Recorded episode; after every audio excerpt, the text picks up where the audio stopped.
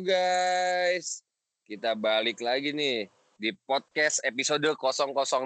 Ya, masih seperti episode yang sebelumnya ya. Karena memang tidak ada pertandingan yang dilaksanakan, jadi kita mungkin topik hari ini ya kita tidak membahas terkait dengan pertandingan, kita akan bahas mengenai yang tidak lain tidak bukan yang lagi populer nih ya, virus corona. Virus yang sampai membuat banyaknya pertandingan selain pertandingan sepak bola juga pertandingan olahraga yang lain juga dihentikan semua ya. Nah, mungkin sebelum gue masuk lebih jauh nih, gue kembali mengundang Dokter Ersat. Halo dok. Halo. Nah, mungkin Dokter Ersat nanti juga akan membantu kita membahas terkait hubungan sepak bola atau atau olahraga ya pada umumnya dengan virus corona. Lalu juga yang lain nih coba kita tes dulu ya. Coach Aldi ada? Yo. Yo, Coach. Fajar Mustar? Nggak ada, adanya dokter Boyke nih. Mirip sih.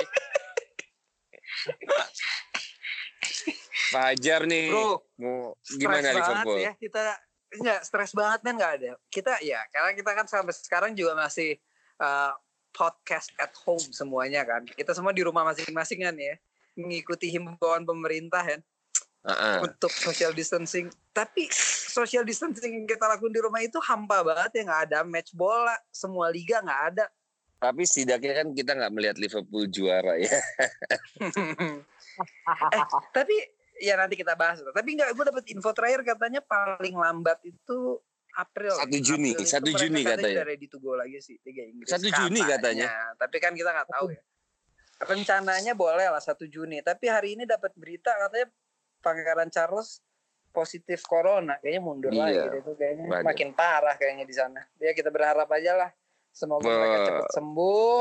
Liga Inggris bisa mulai lagi dan bisa ngeliat Jordan Henderson angkat piala ya. Iyo, kita doakan ya. Iya, ini ada Aaron Udah kan juga kita ya. ber Oh iya lupa ada Aaron nih satu lagi. Iron. Yeah. Kok, kok ketawa dok, dokter Ersat nih? Nggak dengar nama. Aaron. Ada Bukan. kisah dulunya atau Enggak, nih? bukan, bukan. Kalian itu terlalu apa ya? Klise. Antara kakak dan adik itu Bukan. terlalu klise. Sudahlah, dibuka aja. Enggak. Ini emang topik yang menarik ya kalau ada. Elsa tuh ketawa. Tuh ketawa. Kalau menurut gua dokter Elsa tuh ketawa karena tahu Aaron tuh pasiennya, man. Kacau nih. Coba apa untuk untuk ruang pribadi, ranah-ranah pribadi mungkin bisa disingkirkan dulu ya antara kakak adik dokter dan Aaron ini. Ini kita bahas kepada topik topik yang lagi hot tuh adalah Euro 2020 akhirnya resmi ditunda menjadi Euro 2021. Ya, sebetulnya salah satu yang positif adalah beberapa pemain yang dipastikan cedera dan tidak bisa memperkuat timnasnya punya kemungkinan besar untuk berlaga di tahun berikut. Itu sih yang gue dapat berita positif, tapi kalau negatif mungkin lebih banyak ya. Gimana Contohnya pendapatnya? Siapa aja itu eh, yang musim apa eh, apa sampai akhir musim bahkan sampai Euro pun nggak bisa ikut itu siapa aja? Cid. Ada beberapa yang kemarin gue, gue juga agak lupa sih sebetulnya. Tapi memang ada beberapa pemain yang tidak bisa ikut karena cedera panjang dan jadi yang gue baca itu kemarin karena ditunda ada kemungkinan beberapa pemain ini malah bisa hadir ikut di Euro 2021. Hmm. Ya dan mungkin yang muda-muda yang mungkin apa ya masih membuktikan diri musim ini mungkin kayak macam I don't know Jack Grealish dan lain-lain masih apa ya yang masih baru panas lah. ya. Tapi kita nggak tahu ya sebetulnya kalau kita lihat ini kan dengan berhentinya kompetisi kan ibarat mesin gitu lagi panas-panasnya kembali dingin nih. Apalagi dengan kondisi fisik mungkin yang tidak sempurna ya, yang biasanya Hmm. latihan teratur semi apa sehari dua kali pagi sore, sekarang mungkin cuman di rumah aja, hashtag di rumah aja kan, dengan juggling-juggling tisu or anything lah ya. Nah itu kan mungkin lah berpengaruh pasti kan kepada pemain kan. Mm-mm. Ya, pasti, Tapi Pak. mungkin bisa bisa bisa juga difikirkan ya apa namanya eh, antara jarak 2021 sama Piala Dunia 2000, 2022 kesiapan FIFA bagaimana tuh kira-kira ya? Nah, tapi kan kalau menghilangkan kan tidak mungkin juga kan, Dok. Iya. Yang pasti sih kayaknya bakal ada demo. Soalnya pemain bola nggak ada libur ya ntar tuh. Iya sih? tapi duitnya kan jalan. Iya. Iya tak. Sekarang Tapi mereka kan juga punya punya duit duit gaji seminggu bisa buat hidup dua bulan anjir beda sama Tapi coba kita tanya dokter Ersat nih, pengaruhnya apa nih? Apalagi pemain yang pernah positif corona ya. Kayak Paulo Dybala. Yang kita dengarkan yang terbaru kan Arteta dan pemain Chelsea. Nah, yang sudah sembuh apakah nanti dalam permainan mereka akan berpengaruh nggak? Atau kan secara teknis gue nggak tahu ya apakah ada kerusakan di paru-paru walaupun sudah sembuh membekas meninggalkan sesuatu yang akan mengganggu performa apa dia akan kembali seperti semula seperti belum kena kondisi fisik ya dok? Jadi kalau misalnya tadi pertanyaannya itu berarti kita membahas masalah prognosa. Prognosa itu adalah kira-kira pada kondisi orang yang terkena atau terinfeksi oleh coronavirus itu kira-kira sembuhnya gimana sama mortalitasnya gimana. Sampai saat ini sih ya yang saya baca di situsnya WHO hampir 30% pasien meninggal karena corona itu disebabkan oleh eh, penyakit hipertensi. Kemudian posisi kedua itu diabetes 19 persen. Yang ketiga penyakit eh, apa eh, jantung koroner eh, 8 persen. 4 persennya di stroke hemor eh, penyakit stroke. Jadi kalau orang-orang atau pasien yang mengidap atau lah anggaplah pemain bola Pemain bola yang ya. sudah pensiun atau pelatih uh, mempunyai penyakit komorbid sebelumnya ya tadi seperti darah tinggi, diabetes, jantung atau stroke, ya angka kematiannya akan jauh lebih tinggi dan angka sembuhnya pun akan jauh lebih sulit dibandingkan pelatih atau pemain yang tidak punya riwayat uh, penyakit komorbid tadi gitu. Berarti anggaplah misalnya kita anggap tidak ada penyakitnya ya, anggaplah kita anggap pemain sepak bola fit dengan kondisi seperti Paulo Dybala atau Iya.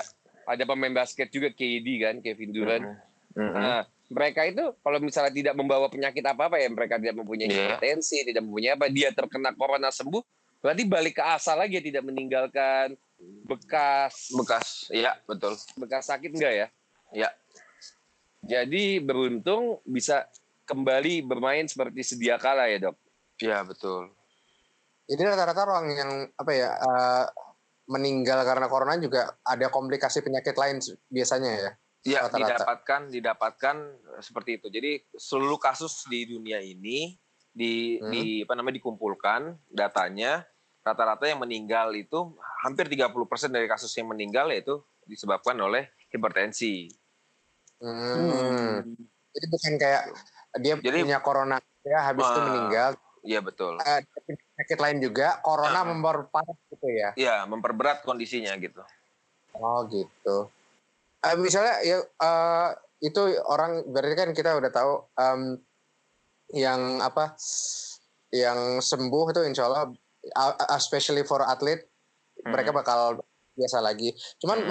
orang orang biasa mungkin kita akan mendengar kita orang biasa itu kalau misalnya udah kena nih, nah kita kena Mm.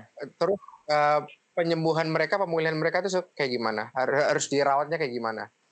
Ya bahasnya tadi ya kalau misalnya pasien eh ini ini mas yang yang lo maksud itu dia udah positif atau baru praduga doang? Eh, misalnya udah positif nih corona, Oke, terus heeh. oke kalau atlet kan eh, mungkin daya tahan tubuhnya lebih kencang dan dia bisa kembali seperti sedia kala kalau dirawat dengan baik. Cuman kalau Mhm. buat orang biasa juga mungkin perlu tahu gitu. Ya udah anggap anggap lo deh orang biasanya kan. Ya, Iya bukan kan orang biasa. Ya bukan kan anggapnya lo nih. Contoh, cuman biasanya. contoh kan. ya, Dan Terus terus. jangan, ditek- jangan ditekankan juga Cit maksudnya lu berharap emang sih Aaron. Enggak lah, gue berharap Aaron sehat selalu. iya nah jadi eh, pada prinsipnya kalau dia punya gejala gejala yang tadi seperti yang episode 005 juga kita bahas ya demam tinggi di atas 38 eh, batuk pilek nyeri tenggorokan dan sesak nafas nah itu harus sudah jadi pasien. Jadi Hmm. eh, kondisi seperti itu harus dirawat di rumah sakit plus di ruang isolasi. Tapi kalau Hmm. dia dinyatakan positif corona dengan hasil pemeriksaan swab eh, apa namanya eh, nasofaring dan tapi nggak punya gejala apa-apa, ya ya udah berarti cukup dirumahkan aja gitu. Nggak perlu diisolasi atau dirawat di rumah sakit. Hmm, oke oke oke. Isolasinya di rumah ya. Ya betul. Minum me- medicationnya juga eh, ya udah pokoknya udah diresepin dokter asal minum itu insya Allah eh, pulih gitu ya. nggak perlu sebetulnya medication obat-obatan jadi kalau dia tanpa gejala ya udah cukup suplemen aja sama istirahat yang cukup selama 14 hari Oke oke, nah a good Nah, info. Kalau nih kita sekarang bahas kondisi pemain ya. Tadi kan yang paling info paling terbaru ya kalau pemain bola ya. Kalau Mhm. kalau non pemain bola sih yang gue tahu info tadi malam ada Pangeran Charles positif ya. Kalau Mhm. pemain bolanya positif ini sekarang eh, apa Paulo Maldini ya sama Mm-mm, anaknya. ya? anaknya ya Daniel Nah ini kondisinya berarti virus ini masih masih sampai saat ini masih menyerang ya, Masih. walaupun walaupun bisa dikatakan kan sekarang eh, sudah banyak himbauan-himbauan ya, orang Mhm. lebih disiplin untuk tidak keluar rumah, untuk Iya. menggunakan sanitizer, masker, or anything lah ya. Iya. Tapi persebarannya belum belum ini dok ya, masih masih apakah masih ada celah-celah yang belum kita tutup gitu ya dok? Masih Enggak. maksudnya penyebarannya masih berjalan dok? kan namanya himbauan ya kalau himbauan kan orang bisa melakukan iya dan tidak tergantung pemahaman gitu kan jadi kadang-kadang ya tergantung dari sebuah negara sih ya kalau kita lihat tadi saya baca gue baca ya di mana ya di Vietnam kalau nggak salah dia Hmm. bisa menurunkan angka pasien eh, meninggal jadi eh, angka meninggalnya itu kurang dari tiga dengan Hmm. kasus yang ada gitu. Jadi itu ya itu menandakan bahwa ada peran peran proaktif dari pemerintah dan eh, masyarakat sudah teredukasi gitu. Jadi eh, salah satu apa ya eh, rantai penularan udah bisa diputus. Sudah, tapi memang mungkin emang tidak belum sesempurna itu ya. Betul. Dan memang agak agak membingungkan, agak mencengangkan ya. Mungkin bukan di mata kita aja ya sebagai pecinta sepak bola, namun pada eh, masyarakat umumnya melihat kok bisa ya, kok bisa pemain bola yang tiap hari yang yang eh, at least badannya lebih bu- lebih bugar daripada pekerja kantoran yang hanya duduk di meja ya. Iya. Tapi virus ini kayak nggak nggak memandang bulu sepertinya nggak memandang siapa orangnya. Even orang yang rajin olahraga pun tetap bisa kena ya dok. Bah, betul. Ya karena tadi, karena kan WHO sudah mengeluarkan statement ya. Jadi penularan ini eh, ternyata bukan dari airborne, tapi dari droplet atau dari sentuhan. Jadi droplet itu bedanya droplet sama airborne ya iya, kalau droplet itu kan ya kita bersin, kita batuk, kita, terus kemudian kita menyentuh tangan kita, nah tangan kita bersalaman sama orang lain, terus megang baju orang lain, nah itu eh, virusnya tuh di apa namanya diduga eh, bersarang di situ gitu, di baju, di uang bahkan, Hmm. uang ya bisa bersembunyi di situ. ya. betul. Nah, yang mau kita tanya nih dok, Euro de- Euro udah ditunda dok. Mm-mm. Olimpiade yang sempat tetap ingin dilaksanakan di bulan Juli sampai Agustus kalau tidak salah ya. Akhirnya berdasarkan conference call antara IOC sama eh, Perdana Menteri Jepang akhirnya ditunda juga. Walaupun ya, ini kita lihat ya. Ini kan jalannya jalannya Olimpiade kan masih lama kan sebetulnya kan, masih bulan Juli gitu.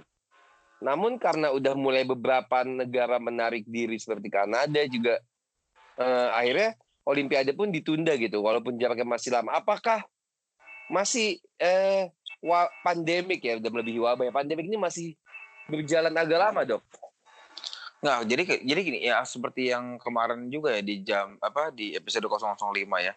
Jadi suatu kondisi tanggap darurat itu sebetulnya eh, tahap pertama itu 14 hari. Itu. Jadi itu bisa diperpanjang lagi bahkan sampai 2 3 bulan.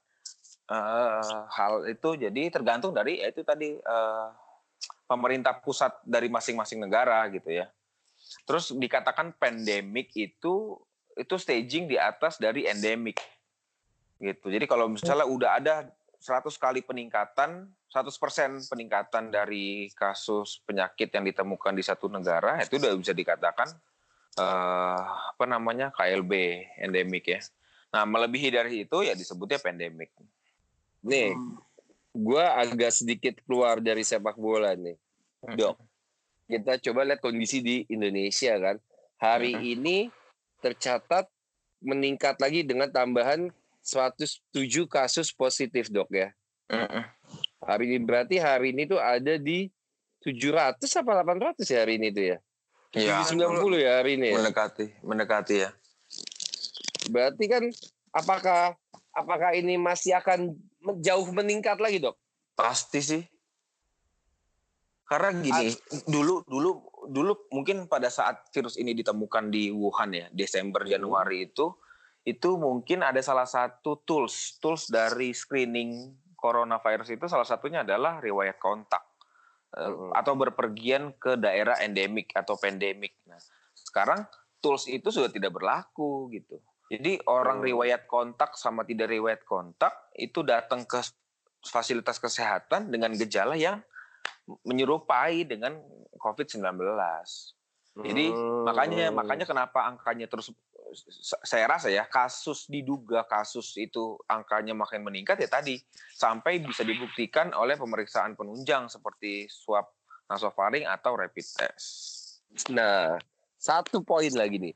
Kalau kita hmm. perpanjang ya, pemain sepak bola dunia ini heboh. Heboh dalam kata kutip menyatakan diri positif. Dari klub Sampdoria menyatakan diri positif. Fiorentina hmm. men, apa menyatakan positif.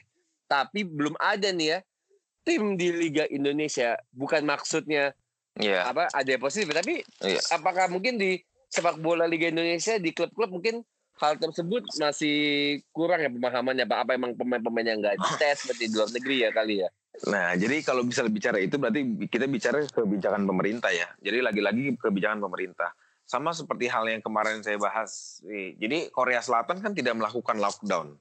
Tapi apakah yes. salah? Tidak salah gitu karena pemerintah di sana proaktif untuk menyediakan kemudian eh, eh menyediakan eh, screening, alat screening gitu kayak swab nasofaring dan rapid testnya disediakan. Jadi eh, nggak eh, perlu dilakukan lockdown gitu. Nah, kembali lagi ke pernyataan eh, pertanyaan tadi, bisa saja karena di Indonesia ini uh, yang baru di apa nah ya digodok ya mungkin ya atau masih didorong itu yang rapid test bukan yang nasofaring. Tadi karena mengingat uh, hasil dari pemeriksaan nasofaring itu atau swab nasofaring itu itu memakan waktu 2 sampai tiga hari. Oh. Sedangkan sedangkan rapid test itu bisa kurang lebih sekitar 8 sampai 12 jam. Paling tapi, lambat. Tapi rapid itu uh, tingkat akurasi cuma 80% ya, Dok ya? Uh, gini, jadi uh, ada kekurangan dan kelebihan ya. Kalau nasofaring itu uh, swab nasofaring itu ke kelebihannya tadi kita langsung bisa mendeteksi adanya virus antigen. Nah, tapi kekurangannya memakan waktu lama karena okay. butuh pemeriksaan mikroskop dan lain-lain. Tapi kalau rapid test, pemeriksaannya kurang dari 12 jam atau kurang dari satu hari, tapi kekurangannya adalah sensitivitas. Kenapa sensitivitas? Karena yang dicek di rapid test itu kan antibody. Antibody itu terbentuk bila seseorang sudah mengalami gejala tadi lima. Jadi bisa dibayangkan nih ya, andaikan Aaron terpapar. Kok Aaron sih contohnya dok? Ya kan tadi kan Kenapa nggak Fajar gitu? Karena tadi Aaron yang bertanya. Oh iya, iya. Jangan gue punya anak toh. anak gue masih kecil. Emang kenapa kalau misalnya Aaron boleh kita korbanin berarti Jar. nah, lu, lu membelanya. Ya udah, berarti gue arahkan ke anggaplah pasien Fajar. Tuan A. Tuan A. Fajar aja lah Fajar. Tadi lah pertanyaannya kan, Tuan A sudah kontak sama dengan Tuan C. Nah, ternyata Tuan A ini belum timbul gejala. Oke. Okay. Ya, belum timbul gejala. Sedangkan si Tuan C ini habis pulang dari Wuhan misalnya. Nah, hmm. empat hari kemudian Tuan A ini ngecek rapid test. Terus? Dicek rapid test. Oh. Hasilnya, hasilnya pasti negatif. Pasti negatif karena dia belum menimbulkan gejala. Jadi belum dikatakan ada antibody. Ya antibodinya dari virus itu belum ada. Jadi percuma, pasti akan jadi negatif palsu. Gitu. Hmm, nanti false kalau udah ada ya. Heeh, nanti kalau udah ada udah ada ternyata eh, setelah dua hari pemeriksaan baru muncul gejala tuh. Akhirnya apa? Si Aaron diperiksa swab nasofaring. Akhirnya apa? Dengan kondisi seperti itu buang-buang duit. Emang enggak Memang begitu ya, nggak Gitu. nggak sesimpel itu ya. Iya. Jadi bahkan maaf, maaf aja ya kalau sedikit mengarah ke politis ya. Ya tadi eh, yang harusnya memang kan sekarang di, diutamakan itu kan pemeriksaan itu hanya untuk tenaga-tenaga medis yang diduga atau terpapar yang punya resiko tinggi. Hmm. Gitu didahulukan gitu. Makanya pemain-pemain bola yang resikonya nggak tinggi kan ya mungkin bisa diper, diprioritaskan ketiga atau keempat kali. Oke. Sebenarnya yang paling prioritas itu tenaga medis ya sama perawat. Betul. sih. Karena orang Apa- terpapar. Pemain Orangnya. Liverpool nggak? Insya Allah sehat semua. Takutnya kan jadi nggak juara kalau kena. Tapi juara, feeling gue pasti Liverpool juara sih. Kalau kalau kalau Ka- tidak di kalau stop ya. dokter, ya kelihatan kalau orang pintar makanya jadi dokter tuh. Apa tadi? Nggak bener. Kalau gue sih setuju Liverpool juara. Kalau gue ya, karena secara statistik tidak akan mungkin dikejar. Gimana pun Iya. caranya ya. Ya kan walaupun nggak sih? secara Hmm. walaupun secara matematis bisa ya. Secara matematis kita berbicara, tapi emang kemungkinannya kecil. kecil banget gitu. Mungkin Dalam hanya dua dua dua tiga persen kali ya. Cuman cuman eh, karena dengan ada kondisi seperti ini harusnya saat nanti di eh, apa namanya dikukuhkan sebagai juara Premier League 2019-20 itu ada notnya di bawah akibat Not- coronavirus gitu. Oh. Itu Jadi lebih sebenarnya kalau objektif. Ya kalau nggak ada jadi ya Oke, belum tentu juara. ya. Jangan. Iya. Ya, tapi kan kita belum tahu kan. belum tahu kan apakah Liga Inggris akan berlanjut atau enggak kan. Tapi kita coba deh, kita cek deh. Kalau Liga Hmm. Inggris, Liga Inggris Hmm. sudah memberikan statement. Memang Hmm. statementnya belum official ya. Iya. Cuman kemungkinan Liga Inggris akan eh, melanjutkan eh, pertandingannya di bulan Juni tanggal 1 itu sementara ya. Mm-mm. Tapi kita belum mendengar statement-statement dari klub lain nih. Dari eh maaf, maaf ya, dari liga lain nih. Mm. yang paling berani Liga Inggris duluan mungkin karena ya mereka istilah pertaruhan hak siarnya pertaruhan eh, duitnya gede banget sih Atau karena Dari- didesak Ron. buat gue nggak bukan ide yang jelek juga ya soalnya kan ya apa jadwal Euro yang tadinya terisi kan kosong ya udah bisa dipakai Liga Inggris gitu loh yang masalahnya yang gue khawatirin pemadatannya gimana? Karena di Inggris itu kompetisinya paling padat di di Eropa. Ada masih ada FA Cup belum kelar. Liga Champions juga belum kelar. Ini ntar oh, pemadatannya gimana gitu pemadatan jadwalnya? Ini mungkin, bisa mungkin tiga hari sekali ya, tiga hari sekali mungkin. Ya, makanya ini eh, oke misalnya bisa kita alihin sedikit ke coach Aldi. Misalnya oke coach lo udah tahu lo sebagai manajer klub lo udah tahu kompetisi bakal mulai lagi di bulan Juni. Lo nyiapin pemain lo gimana gitu dengan potensi jadwal yang sangat padat kemungkinan. Uh, kalau gue sih pusing. kalau gue sih pusing. Soalnya nggak perlu mikirin jadwal itu dulu deh. Kayak mikirin kita kosongnya sekarang gitu. Kalau kalau preseason kan lo kosong, at least masih bisa latihan, masih bisa friendlies, masih bisa macam-macam. Kayak balikin fitness levelnya pemain yang nggak main 2-3 bulan itu wah deh gitu. Terus habis itu kalaupun fitness levelnya mereka balik normal, terus mereka dijejelin sama jadwal yang mungkin tiga empat hari sekali main, ya cedera, cedera nggak cedera aja udah syukur sih kalau gue. Tapi kalau yang yang ada kalau misalnya squad depth-nya nggak terlalu bagus atau nggak terlalu dalam ya lo bakal setengah mati gitu. Karena Ya, ya mau gimana gitu. Artinya jadwal yang ada sebenarnya kalau misalnya ditunda jadi Juni kan Premier League itu terakhir week. Berapa sih kemarin? Kalau nggak salah masih sisa tujuh atau ya? enam pertandingan gitu ya. Oh nggak udah nggak banyak ya? Gua kira Udah nggak masih apa masih 10 11 enggak ya? Udah nggak banyak cuman Hmm. let's say let's say kita taruh let's say kita taruh dia di bulan Juni gitu akhir let's say bulan Juni mereka mulai lagi delapan pertandingan delapan pertandingan itu kalau week weekend kan berarti dua bulan Iya. Kalau misalnya dijejelin jadi tiga hari sekali main kan sebulan. Tapi itu Iya. belum Champions League, belum Europa League. Jadi buat tim-tim yang besar itu lebih lebih PR, apalagi tim-tim yang masih main di kompetisi Eropa. Gitu. Gue malah concernnya sama kontrak pemain. Karena Oke. misalnya kontrak pemain kan nggak habisnya kan pasti di di di pramusim gitu. Mungkin Juni, mungkin Juli gitu. Apa yang terjadi tuh kalau misalnya Juni masih main, Juli masih main, selesainya ternyata Agustus gitu. Nah ini yang tenggang waktu dua bulan ini dihitung gimana gitu. Kalau misalnya kontrak pemain yang seharusnya bulan Juni atau Juli sudah habis, terus mesti perpanjang, yang dua bulan ini loh yang bisa urusan legal sih gue nggak ngerti ya mungkin Cito yang lebih paham masalah kontrak-kontrakan gitu. Mungkin ya, mungkin kalau kalau gue pribadi sih mungkin ada keadaan overmah ya, ada keadaan kahar yang memang nanti apakah ada perpanjangan sebulan atau memang dihitung dari eh, ketidak apa eh, dihitung bulan yang dia tidak main di bulan ini misalnya dimajukan kan itu kan mungkin jadi kesepakatan masing-masing antara klub dan pemain ya. Betul. Nah, itu itu kita ngomongin sama tim yang mau perpanjang kontrak.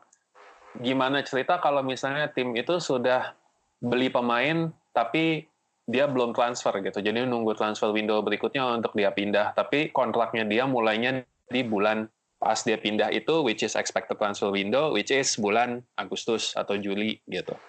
Eh, Ya hal-hal kayak gitu sih yang lebih bikin klub pusing gitu ketimbang ketimbang actuality menjalankan pertandingannya. Karena ya kalau misalnya jadwal udah keluar pertandingannya itu mesti diselesaiin dong. Nggak mungkin nggak gitu. Jadi satu pertanyaan coach dari gue. Kemungkinan andai kata eh, wabah sudah berakhir dan segala aktivitas dalam sepak bola dijalankan, apakah kemungkinan maksimal semua pemain mengeluarkan kemampuan maksimal dan tim juga apakah akan berkurang? gini kalau kalau yang gue tahu ya ngebalikin ngebalikin fitness level seorang pemain sampai ke titik yang di mana dia bisa bermain rutin seminggu sekali atau dua dua kali seminggu gitu itu makan waktu sekitar satu satu setengah bulan satu satu setengah Ya. bulan off off training di lapangan off gym work gitu. Jadi kalau misalnya sekarang mereka tidak bisa melakukan itu ya the only thing that they can do adalah menjaga fitness level mereka di rumah masing-masing yaitu mereka gym work atau mungkin apa segala macam. Tapi nggak akan sebagus kayak preseason karena yang tadi gue bilang gitu. Di preseason lo masih bisa friendly lawan lawan tim lain. Dan buat kita yang yang melatih experience lo selagi, selagi lo main friendly games itu jauh lebih besar nilainya ketimbang lo sibuk angkat beban atau latihan doang di training training pitch gitu. Berarti emang ya bisa dikatakan nanti ketika pertandingan dimulai nggak akan maksimal lah ya. Gue rasa sih nggak bakal maksimal ya. Nah, Fajar mana nih Fajar nih? Kenapa? Siapa tahu nih Liverpool habis corona pemainnya kurang semangat jadi kalah mulu. Mungkin nggak? Gak apa-apa. Ada jatah kalah. Ada jatah kalah masih banyak. Kalau mau balik ke fitness levelnya yang prima itu kan butuh waktu satu setengah bulan. Kalau gue ngelihatnya itu kan setara sama semua tim gitu. Jadi Hmm. oke lah kita ngomongin Liverpool yang udah udah kayak tadi dokter Elsat bilang mungkin cuma 2-3 persen kemungkinannya dia nggak juara gitu. Tapi Norwich pun juga mengalami hal yang sama gitu. Mereka nggak bisa main, mereka nggak bisa praktis. Jadi sebenarnya sih imbang, sama Jadi aja semua, satu, eh, satu liga ini imbang gitu ya. Semua nggak bisa main, semua nggak bisa latihan, semua badannya nggak fit. Sama rata sama rasa nih ya. Iya. Jadi mungkin pertandingan akan imbang, tapi memang tidak akan semaksimal dan semengotot sebelum wabah corona. Gue malah curiganya nanti akan banyak cedera Oke. karena Karena nggak fit. dipaksakan ya. Ya nggak semuanya siap 90 menit ya. bukan dipaksakan kayak itu karena semuanya gini kalau kita pem- kalau kita pelatih itu kita nyiapin pemain nggak cuma buat 90 menit kita nyiapin mereka itu buat 120 menit Oke. kenapa meskipun itu liga kita expect pada saat dia selesai dia masih cukup sehat, masih cukup fit, masih cukup seger untuk bisa latihan lagi besok malamnya. Hmm. Oh, baru tahu. Gitu. Jadi jadwal pertandingan itu ada sih kalau kayak beberapa klub di liga yang nggak terlalu ngotot, dia habis Mhm. habis main, besoknya dia free day. Ada free free day, the whole day dia nggak ngapa-ngapain, dia liburan. Istirahat ya untuk balikin kondisi Dia badan. ya. recovery, istirahat. Tapi ada juga yang di mana lo habis main hari itu, besoknya malamnya lo ada recovery training. Oh, emang kebeda kebijakan ya? Iya, beda kebijakan. Jadi si recovery training ini, meskipun dia nggak seintens apa training session yang lain, ya masih tetap ada ada load kerjanya gitu di badan. Nah kalau lo nggak cukup fit, Bukan bahkan berendam es aja? ini. Enggak, kalau berendam es itu persis setelah pertandingan. Jadi setelah pertandingan itu lo lo dapat lo dapat massage, lo dapat berendam es, lo dapat ya itulah all that package lah istilahnya. Massage cewek apa cowok? Ajar ini PG-13 Di- ya. Di luar ini. Rata-rata mas mas masusnya cowok berotot bro. Bapak biasanya bapak bapak. Males juga gue jadi pemain bola kalau gitu. Oke, next kita bicara materi selanjutnya nih. Kita udah bahas terkait ditundanya Euro, ditundanya Liga, ditundanya Olimpiade, lalu juga kapan eh, liga-liga akan mulai. Nah, ini sebelum ada materi terakhir nih yang mau gue bahas nih. Adalah pengaruh wabah corona untuk ekonomi sepak bola di dunia. Karena banyak berita yang santer terdengar bahwa tim-tim sepak bola Eropa seperti di Prancis itu terancam mengalami kerugian ke- dan keberangkutan karena Iya. kompetisi saat ini berhenti nih. Bahkan ada yang terancam sampai apa namanya udah selain terancam bangkrut, mungkin terancam dijual juga dan terancam punya hutang dengan pemain dan sponsor. Nah mungkin guys gimana guys? Eh, menurut gue ya wajar. Kan Pemasukan klub itu kan biasanya juga besar dari match day. Ya nggak sih? Ko- ya nggak sih coach? Bener kan itu Dari- ya? Ter- Tergantung klubnya sih. Kalau misalnya klubnya kayak klub yang global, kalau kita bilangnya global klub ya. Global klub tuh kayak top 6-nya top 6-nya IPL gitu. Mungkin Bayern sama Dortmund, Madrid Barca gitu. Pemasukan PSG mereka itu doang. Gitu. ya PSG. Pemasukan mereka itu kalau nggak salah setahu gue kalau match dari match day itu paling cuma 20%. Ya sisanya Berarti merchandise. sebenar berarti berarti berarti semestinya nggak masalah ya kalau nggak ada match ya kalau pemasukannya sumber pemasukan ternyata bukan dari situ ya. Kalau yang di klub mungkin nggak bakal terlalu berasa. Kalau yang klub-klub yang di bawahnya nih, macam klub di Championship gitu kayak Leeds, West Brom, atau mungkin ya kayak klub liga liga ang Ligue 1-nya Prancis gitu. Ya match day match day revenue mereka itu mungkin bisa 60-70% dari pemasukan mereka gitu. Iya, Hmm. Kalau ya untuk yang klub kayak gitu, apalagi kayak Ligue 1 gitu kan, dia nggak punya apa ya istilahnya hak siarnya tuh nggak gede gitu. Uang hak siarnya tuh nggak gede.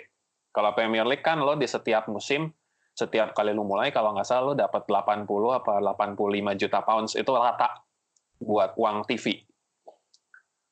Gitu. Nah, kalau buat Ligue 1 yang yang nggak se-famous Premier League atau Bundesliga atau La Liga gitu, ya pasti nggak nggak nggak gede gitu. Dan itu ngerugiin banget sih kayak kontrak pemain kan masih harus tetap dibayar. Terus misalnya kalau ada bonus, kalau misalnya ada perjanjian yang berlaku mulai beberapa waktu kemudian dan segala macam, efeknya gede sih, gede banget.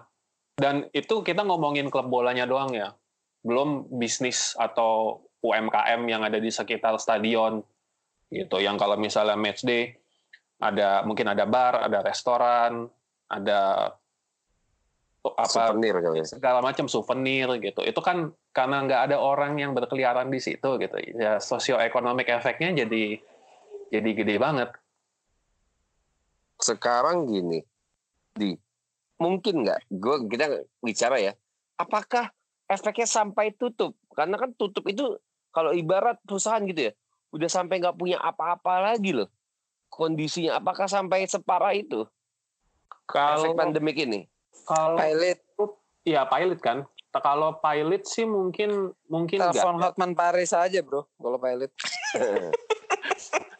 Kalau kalau pilot sih mungkin enggak ya karena gua gue curiganya si liganya sendiri dia nggak akan ngebiarin klub-klub yang ada lagi berkompetisi ini bakalan pilot sih karena efek efek kalau mereka sampai pilot terus kalau di kalau di Inggris kan pilot itu kan udah udah last last stage banget gitu sebelum mereka Hmm. dinyatakan pilot ada istilahnya mereka enter administration masuk Hmm. administrasi gitu nah masuk administrasi ini biasanya sama sama apa eh, pengadilan di sana dibantuin untuk cari investor, cari pendana baru apa segala macam. Sambil istilahnya kayak disubsidi sama liganya. Gitu. Nah, tergantung seberapa seberapa banyak subsidi yang didapat. Gitu. Liganya liganya bersedia nge, nge-subsidi seberapa besar. Hmm, Oke. ada kemungkinan nggak kan kayak macam Leeds United dulu ya sebenarnya mereka nggak degradasi karena kalah poin atau kalah posisi stable tapi karena kondisi finansialnya ada kemungkinan nggak klub yang di divisi utama bisa didegradasi gara-gara eh, ya kondisi keuangan gitu. Karena ya corona ini. Iya, ya peraturannya kan memang begitu. Jadi beberapa beberapa nggak usah jauh-jauh ngomongin Leeds United deh. Kayak kemarin gitu di liga di liga ASEAN aja di liga Thailand ada empat klub yang di dissolve gara-gara mereka menunggak gaji pemain. Itu bulan lalu kalau nggak salah. Salah salah satu klubnya malah umurnya udah 90-an tahun. Sama liganya di dissolve aja gitu tapi kalau misalnya balik ke apakah mereka akan mengalami pengurangan poin terus jadi turun divisi atau enggak kalau menurut gue sih agak nggak fair kalau liganya melakukan penerapan seperti itu karena ini yang ngalamin kan satu negara bukan cuma Hmm. satu klub doang gitu bukan karena klub ini terus di di manage-nya atau dijalaninnya dengan nggak beres terus mungkin jadi ngutang sana sini kan nggak ini kan ya apa ya KLB gitu force majeure Betul, betul. Ya ya. Kondisinya memang kurang pas lah ya. Tapi ini Nah. berdampak juga nggak sih ya ke transfer window misalnya? Pasti, Iya. pasti. Karena karena kayak yang tadi gitu. Misalnya pemasukan mereka berkurang. Hmm. Harga transfer atau inflasi ini kan jadi nggak masuk akal lagi gitu. Siapa lagi siapa yang mau beli center back harganya 80 juta euro lagi gitu. Siapa yang mau beli ada pemain tengah harganya 50 juta euro lagi. Nggak nggak nggak nggak make sense ke depannya. Hmm, Oke. Jadi mau nggak mau, kalau kalau transfer window-nya tetap seperti ini ya transfer gerakan transfer tuh nggak bakalan ada yang jalan. Jadi mau nggak mau itu harga itu mesti ngikutin turun. Kita mungkin nggak akan lihat lagi kayak transfer 120 150 juta pound gitu. Untuk untuk beberapa waktu ke depan mungkin kita nggak akan ngelihat lagi. Maksudnya bakal ada deflasi nilai pemain lah ya.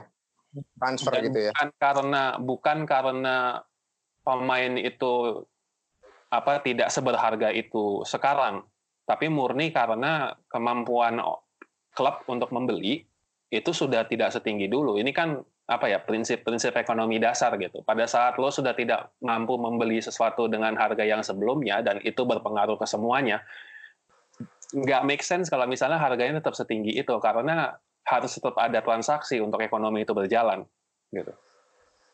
Hmm. Oke. Sip. Sekarang nih sebelum kita tutup nih gue ada satu pertanyaan buat Dokter Ersat. Dok, secara stat statistik ya mungkin kan dokter kan juga udah cukup berpengalaman ya. Hmm. Kira-kira eh, kapan sih berhenti eh, secara hitungan aja, secara matematis kapan sih wabah ini akan berhenti? Apakah cukup lama? Apakah akan eh, quick recovery akan lebih cepat atau bagaimana? Ya, kalau itu jawabannya ya sama ya. Eh, pemerintahnya bisa proaktif nggak seperti apa yang bisa ditunjukkan di salah satu negara eh, di dunia ya kayak Kor- Korea Selatan kemarin gitu.